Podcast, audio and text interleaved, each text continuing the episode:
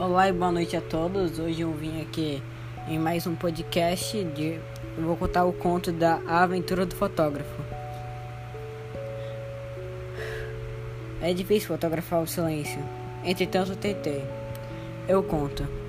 Madrugada na minha aldeia estava morta. Não se, viu, não se ouvia um barulho.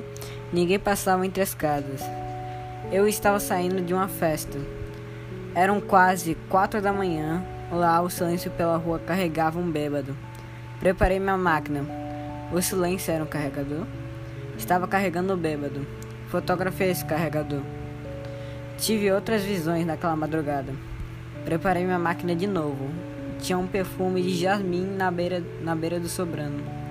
Fotografei o perfume. Vi uma lesma prepagada na existência mais do que na pedra. Fotografei a existência dela. Vi um azul, per... azul perdão do olho do mendigo. Fotografei o perdão. Olhei uma paisagem velha a desabar sobre uma casa. Fotografei sobre. Foi difícil fotografar sobre. Por fim, enxerguei... eu enxerguei uma nuvem na calça.